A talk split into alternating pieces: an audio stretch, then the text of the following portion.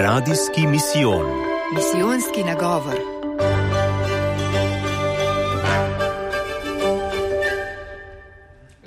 Veseli smo, da bo radijski misijon, ki smo ga imenovali Cerkev je mlada, z uvodnim nagovorom začel kardinal, ki je sodeloval tudi na nedavni sinodi mladih. Vaša eminenca, z misijonom želimo nagovoriti mlade, veliko pa je tudi starejših poslušalcev. Tudi vsi smo ena družina, v kateri so viva več generacij. Kakšno je vaše sporočilo tej raznovrstni skupnosti? Yeah. Uh, first of all, I realized that when we talk about the youth, all people get involved. Kot prvo sem ugotovil, da so, kadar govorimo o mladini, z njo povezani mnogi. Saj imajo mladi svoje družine, nekateri obiskujejo šolo ali univerzo, torej govorimo tudi o profesorjih in učiteljih. Imate različne načine družbene komunikacije, zato pri razpravah o mladini niso v spredju le oni, ampak so v skrb za nje vključene vse ostale generacije. Pa tudi mladi kasneje sami postanejo starejši in morajo na to oni skrbeti za naslednje generacije. Moje sporočilo za vse, ki niso več mladi, tako kot sam nisem, je, naj se spomnijo, da so nekoč bili mladi. Tako upamo, da bomo razumeli današnjo mladino. Mladim v današnjih časih pa bi sporočil, čez nekaj let ne boste več mladi, vendar boste mlade poznali in skrbeli za tiste, ki bodo prišli za vami. Govorimo torej o združevanju različnih generacij, ki se vedno osredotočajo na skrb za mlade današnjega časa. Danes so oni mladi, jutri ne bodo več, a skupaj bomo poskrbeli za nje. Today they are young, tomorrow they are not young, but we will take care of the young of tomorrow together.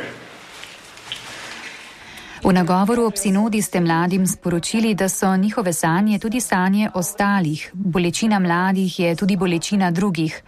To so temeljne misli, s pomočjo katerih bi lahko premostili velike razdalje in zravnali globoke prepade med generacijami. Kako te edinstvene misli spremeniti v prakso? Ah, that's a very good uh, uh, question. And during the synod, To je zelo dobro vprašanje in med sinodo smo v ta namen zelo veliko krat uporabljali besedo spremljanje. Kako lahko spremljamo in poslušamo drug drugega? Starejši ljudje pričakujejo od mladih, da nas bodo poslušali, kar je dobro, ker se mladi od starejših lahko učijo. Toda tudi starejši morajo prisluhniti mladim, saj ti bolje poznajo trenutni svet. Morali bi jih torej razumeti, hoditi skupaj, jih spremljati, voditi drug drugega, deliti modrost. To se mi zdi zelo konkreten način za deljenje sanj, bolečine in upov. Our wisdom with one another. For me, this is a very concrete way of sharing dreams, sharing pains, sharing hopes. Nekateri veliko krat crkev skušajo slikati kot starko, kot institucijo, kjer je vedno manj mladih. Pa vendar različna srečanja in skupnosti potrjujejo ravno nasprotno. Kako vi doživljate to napetost med mladostjo in starostjo crkve? Yeah. You know, the, the, the old in the sense that, well, it's more than 2000 years. Veste, crkva je stara z vidika oddaljenosti časa Kristusovega rojstva, torej več kot 2000 let. Ko preštejete leta, je stara. Toda sporočilo Jezusa Kristusa se nikoli ne postara. Evangelij premore večno mladost. Že nešteto generacij od časa apostolov do danes je spremljalo enako sporočilo: Ljubite se med seboj ni se postaralo, ker vsaka generacija potrebuje ljubezen in želi ljubiti. Morda so stare stavbe ali obleke, a sporočilo ostaja isto in večno mlado. In če želimo slediti Jezusu, nas sveti duh pomladi. Vem, da v nekaterih delih sveta pravijo, da upada število mladih, ki želijo biti vključeni v crkv, to da ni pa vsod po svetu tako. Če odpremo oči, morda lahko vidimo mlade na krajih, kjer se počutijo bolj domače in svojo vero izražajo svojim letom primerno. Sam prihajam z Filipinov, kjer je povprečna starost 23 let. Smo torej zelo mlad narod. V naših cerkvah je več mladih kot starejših. Povsod med mašami slišimo jog dojenčkov, V nekaterih župnijah v Manili imajo ob tako velikem številu otrok krst vsak dan, ponekod vsako nedeljo. Čutim, da je crkva še vedno mlada, ima veliko energije. Odkriti moramo samo, kje. Lahko povem primer iz Italije. Pred tremi leti me je milanski načkov in kardinal povabil na praznično svetomašo za filipinsko skupnost, ampak skupaj z italijani. Na eno svetomašo je prišlo 20 tisoč ljudi in med njimi je bilo toliko mladih. Bili so migranti, delavci, ki imajo veliko otrok, mladih, ki cerkvi dajejo življenje. So uh, you have the migrants, you have uh, uh, the uh, workers, and they have many children, young people, and they're part of the church, and they give life to the church. Lani je bila v Rimu odmevna sinoda mladih. Kakšno je temeljno sporočilo sinode in kaj vas je morda najbolj pozitivno presenetilo na njej? The central theme of the synod last year was uh, the transmission of the faith to young people. Osrednja tema sinode je bil prenos vere na mlade v sodobnem svetu in kako lahko krščanska vera pomaga mladim odkriti poklicanost v življenju, kako lahko kot kristijani služijo v tem svetu. To je bila zelo pomembna tema. Videl sem, kako se je vsa crkva, starši, duhovniki, redovnice, vzgojitelji in umetniki zauzela za to, da bodo mladim pomagali odkriti Jezusa in najti smer v življenju. Sinoda je potrdila tudi, da veliko mladih to že počne. Mnogi izmed njih so prostovoljci pri Caritas in drugot. Zato mora crkva pozdraviti služenje, razumevanje in modrost mladih. Crkva bo mlada, če bodo vanjo vključeni mladi.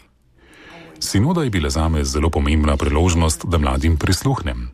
Jaz, ki sem škof, sem se v času teh 30 dni na sinodi počutil kot študent, ki se ne le uči od škofov, ampak tudi od mladine, ki je bila tam prisotna. To se mi je zdelo krasno. Mladi udeleženci pa so pozorno prisluhnili tako škofom kot duhovnikom, redovnicam in staršem. Zato je to crkva, ki posluša.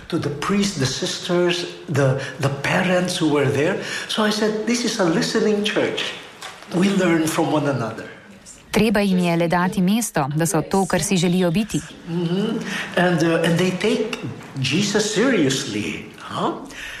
Tako je. In Jezusa jemljajo resno, pa tudi življenje, vero in poslanstvo. Veste, včasih so mladi označeni za užitkarje, kot da jim ni za nič mar, da so individualistični in se želijo samo zabavati. Na sinodi smo ugotovili, da to ne velja za vse mlade. V svojih glavah in srcih življenje jemljajo zelo resno, svojo vero želijo razumeti, zato postavljajo vprašanja. Radi bi poznali Jezusa in želijo si boljšo crkv. Včasih mislimo, da kritizirajo, to da ne. So le iskreni pri spraševanju. Iščejo.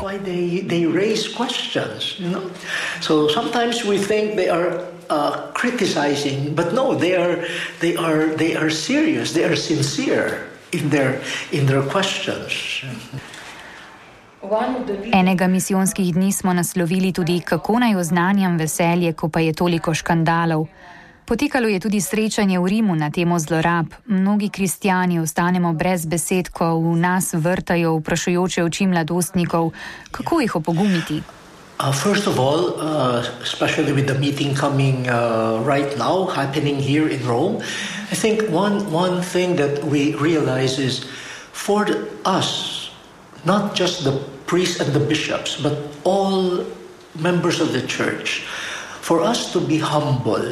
V luči srečanja, ki je na temo zaščite mladoletnih potekalo v Rimu, naj povdarim spoznanje, da moramo vsi člani cerkve, ne samo duhovniki in škofje, v ponižnosti priznati, da so se zgodile zelo slabe stvari. Boleče je priznati negativno stvar, a še huje je, če tega ne storimo, če se samo pretvarjamo. To je del ponižnosti. V celotni krščanski tradiciji sta prisotna kesanje in prošnja za odpuščanje. Zato moramo biti ponižni. Na začetku vsake svete maše, vsake euharistije, izrečemo kesanje predvsem mogočnim. Priznamo, da smo grešili. Moramo torej priznati. Moramo pa se tudi učiti iz svojih napak.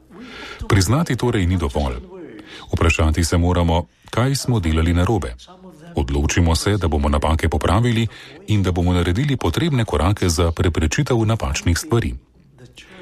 Pa ne, da bi bili popolni, saj bosta človeška grešnost in skušnjava vedno prisotni. Res je lahko boleče in sramotno priznati svoje napake, ampak mogoče bomo s priznanjem postali boljši. Ko nam mladi preprosto govorijo, da crkva ni bila vedno zvesta, da voditelji in starejši učijo eno, delajo pa drugo, bi morali biti pred temi mladostniki ponižni.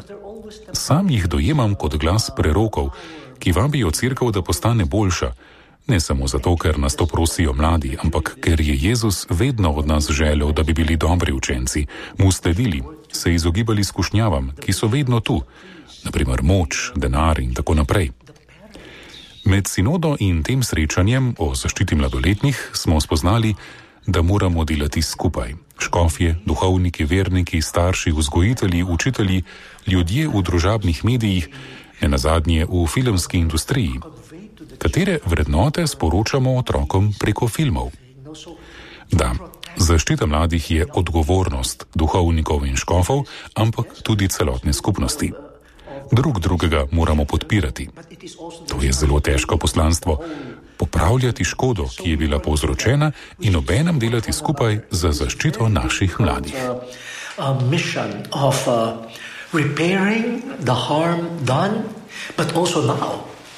Working together to protect you know, our, our young people. Pravite, skušnjave so nenehno okrog nas, to da za crkev želimo, da je čista. Yeah. You know, uh, yes, we want the church to be pure, and uh, we should always aim at that. No. Uh, at the same time, we know that. Uh, da, želimo si, da bi bila crkva čista in zato si moramo vselej prizadevati. Istočasno pa vemo, da bodo v življenju na tej zemlji vedno prisotne skušnjave. Zato se moramo resnično okrepiti in se ne zanašati samo na sebe. To je ponos. Bolj ko smo ponosni, več padamo. Ko smo ponižni, se zanašamo na Boga. Ko molimo, dovoljujemo Božji in Jezusovi besedi, da res vodi naše misli. Ko delamo skupaj, prejmemo moč od Boga in skupnosti. In če ne moremo popolnoma odstraniti skušnjav, pa vsaj postanemo močnejši pri soočanju z njimi. No? So, uh,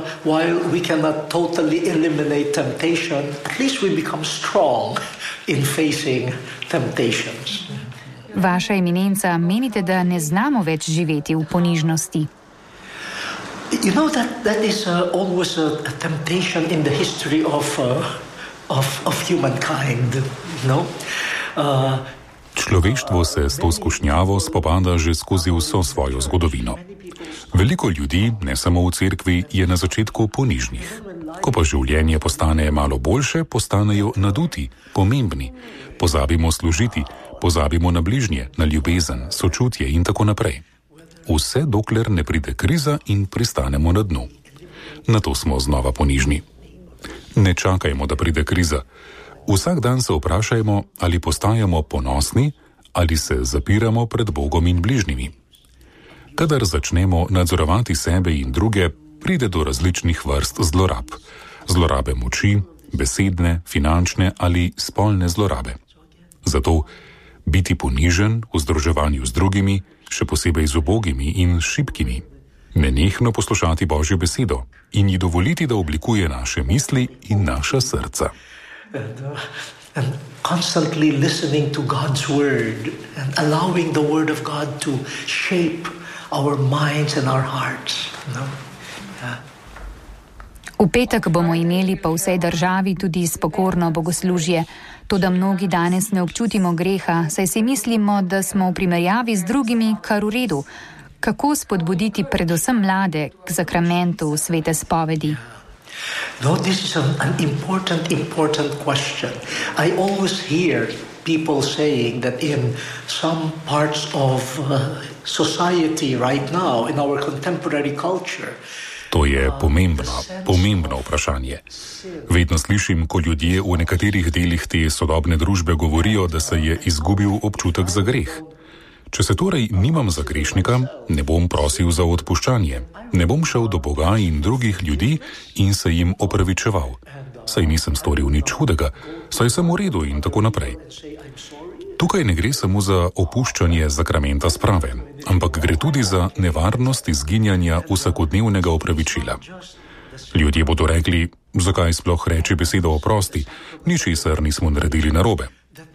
Predstavljajte si, kakšen bi bil učinek, recimo v družinah, če možje in žene ne bi več rekli oprosti, ali pa starši in otroci, učenci v šoli.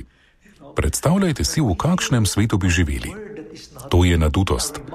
O tem smo že govorili. Kaj, ko bi začeli pri nečem zelo osnovnem in človeškem?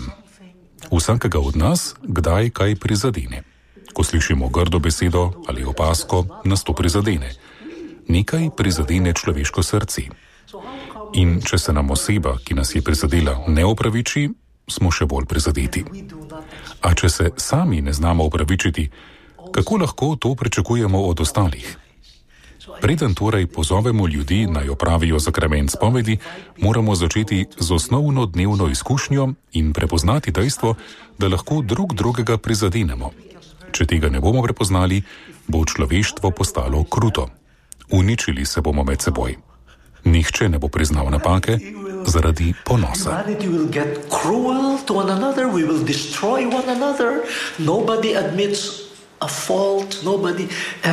Even internationally, we will be destroying one another because of pride. Med sinodo ste dejali, da so mladi kot migranti. To ste pojasnili zgodbo. Jo lahko delite tudi z našimi poslušalci. Ah, I think the story that I, I, I, uh, what I mentioned was about a young person. Če se spomnim, je bila zgodba o mladi osebi. Udeležil sem se mladinskega srečanja. Na koncu mojega nagovora so me prosili, naj zapojem pesem. Nihče mi ni rekel, da bom moral peti, ampak samo da bom govoril, saj so me spraševali. Neki diček je vseeno vprašal, ali lahko nekaj zapojem. Rekel sem, da nisem pripravljen na to, da pa bom zapel pesem, ki jo vsi poznamo in lahko skupaj nadaljujemo.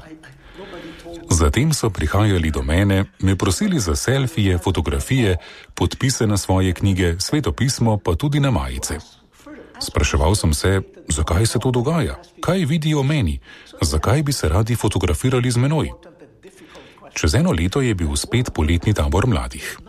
Do mene je prišel mlad fant in mi rekel, da sem se mu leto nazaj podpisal na majico. Seveda sem se spomnil. Na to mi je rekel, da je sploh še ni oprav. Začudil sem se. Nadaljeval je z besedami, da majico vsak večer zloži in jo spravi pod svoj vzglavnik, saj svojega očeta že dolgo ni videl. Dela namreč kot migrant v drugi državi. S pomočjo te majice vem, da imam družino, crkv in da imam očeta, vas. I have a family, the church, and I have a father, you. Zato sem rekel, veliko mladih je kot ta fant. So nekakšni migranti, ki iščejo družino, ljudi, ki jih bodo imeli radi, očeta, mater. A to je samo eden. Koliko jih je še na svetu? Del poslanstva skupnosti je, da spremlja te mlade, ki iščejo družino, očeta, mater, brate, sestre. These young people who are looking for a family, looking for a father, a mother, brothers and sisters. Tako smo izgubljeni, ker nimamo prave ljubezni. And uh, this will make the church young. Ta pa bo crkva ohranila mlado. Ljubezen je namreč večna, ljubezen se ne postara.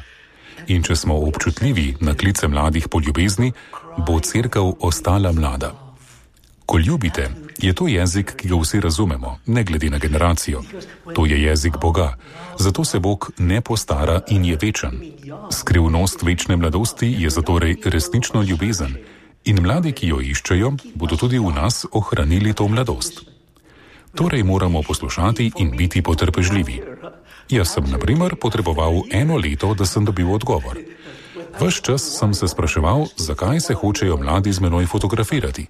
Odgovor je prišel leto kasneje. To je lakota po ljubezni.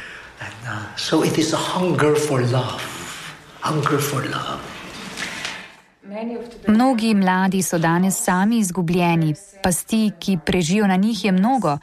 Vemo, da jih prepovedi poženejo v nasprotno smer od želenega.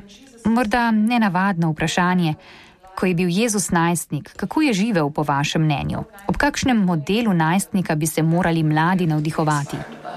Ja, you know, in, uh, during the synod, uh, there were many. Uh, Na sinodi smo veliko krat omenili mlade osebe iz svetega pisma, naprimer kralja Davida in Samuela, ki je slišal božji klic. A preden je slišal ta klic, je Samuela vodil starejši duhovnik Elija, Jezus se je rodil v jaslih, a ključno pri odraščanju mladostnika je bilo, da je imel mamo in očeta, ki sta bila preprosta, a sveta. Marija je poslušala in obogala Boga, enako Jožef, preprost tesar. Takšen je bil duh v Jezusovem domu.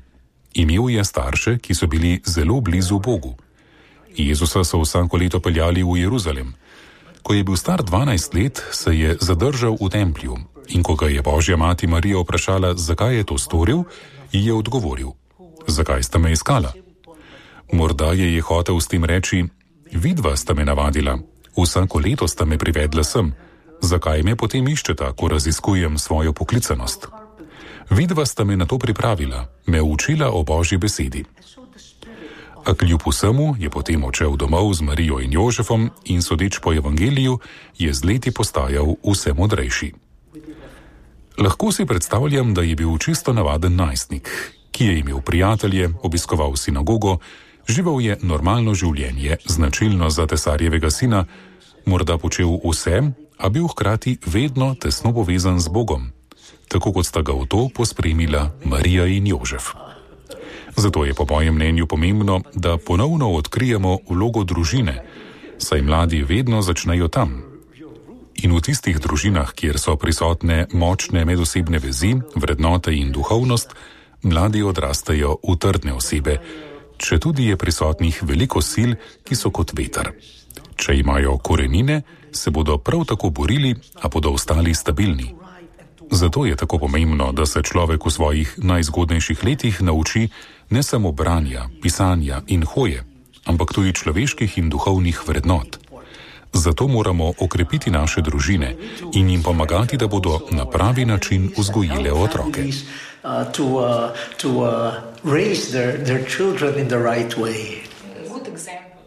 Torej je treba najti dober zgled v različnih jezikih ljubezni. Yes, yes, that's true. Mm-hmm. And in fact, uh, especially our young people of today, they, they, are, they are experts in uh, Res je. Pravzaprav so še posebej današnji mladi strokovnjaki za računalnike, zato vse čas opazujejo. Moja generacija je brala, njihova pa gleda in zelo je osredotočena na podobe. Kaj torej vidijo v svojih mamah, starejših bratih in sestrah, učiteljih in duhovnikih? Če dober zgled, wow, kaj pa če je ta zgled slab? tudi ta vstopa vanje in postaja del njih, zato je odgovornost na vsej družbi. Pravijo, da vsa vas vzgaja otroka in ta vas raste. Ker je toliko komunikacije, spleta, toliko vplivov, potrebujemo vodstvo. Kako naj starši vodijo svoje otroke pri uporabi družbenih omrežij ali pa učitelji učence, saj na nje prežine varnost tako imenovanega temnega spleta where uh, uh, very bad influence comes to young people. Vaša eminenca, ob sklepu morda še sklepna misel in vaš blagoslov vseh, ki sodelujemo pri radijskem misijonu. Yeah. Well, there are many, many things that I would like to say, but, uh, but coming from uh, the Synod of Bishops, especially from the Synod of Bishops, uh, Uh, no, še veliko, veliko stvari bi rad povedal. Ampak v luči sinode o mladih, na kateri sem bil, je moje sporočilo naslednje.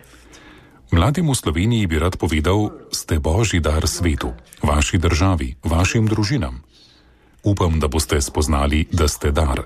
Niste težava, niste breme, ste čudovito darilo Boga. Verjemite v to.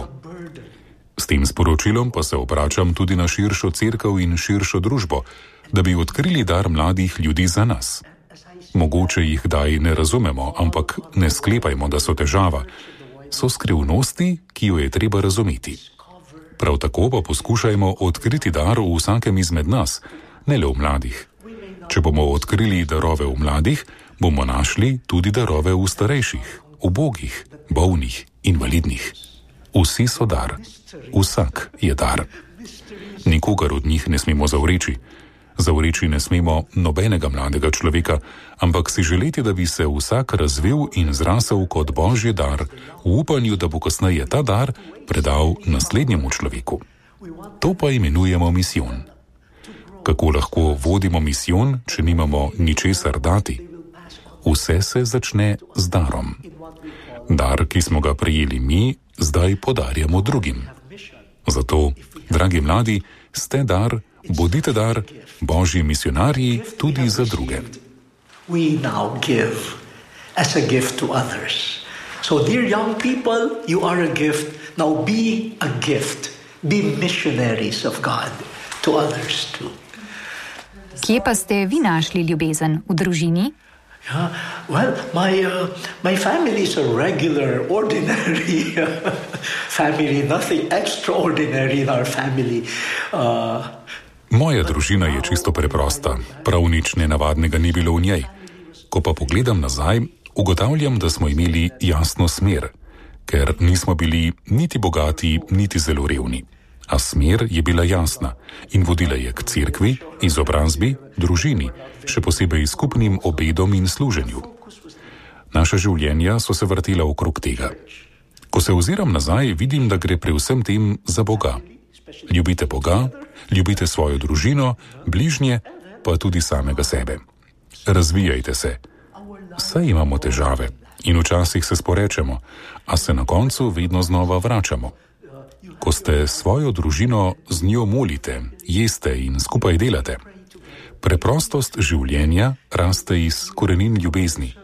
In v mojem primeru to ni bilo nikakršno nenavadno življenje, ampak čisto navadno, ki me je naučilo ljubezni. Ljubezen tako postane običajen del tvojega življenja. No, and uh, then you, it becomes an ordinary part of your life also. Naj vas ob koncu prosimo za blagoslov. Gospod naj te blagoslovi in te varuje. Gospod naj da sijati svoje obličje nad tabo in naj ti bo milostljiv. Gospod naj dvigne svoje obličje nad te in ti podeli mir. V imenu Očeta in Sina in Svetega Duha. Amen.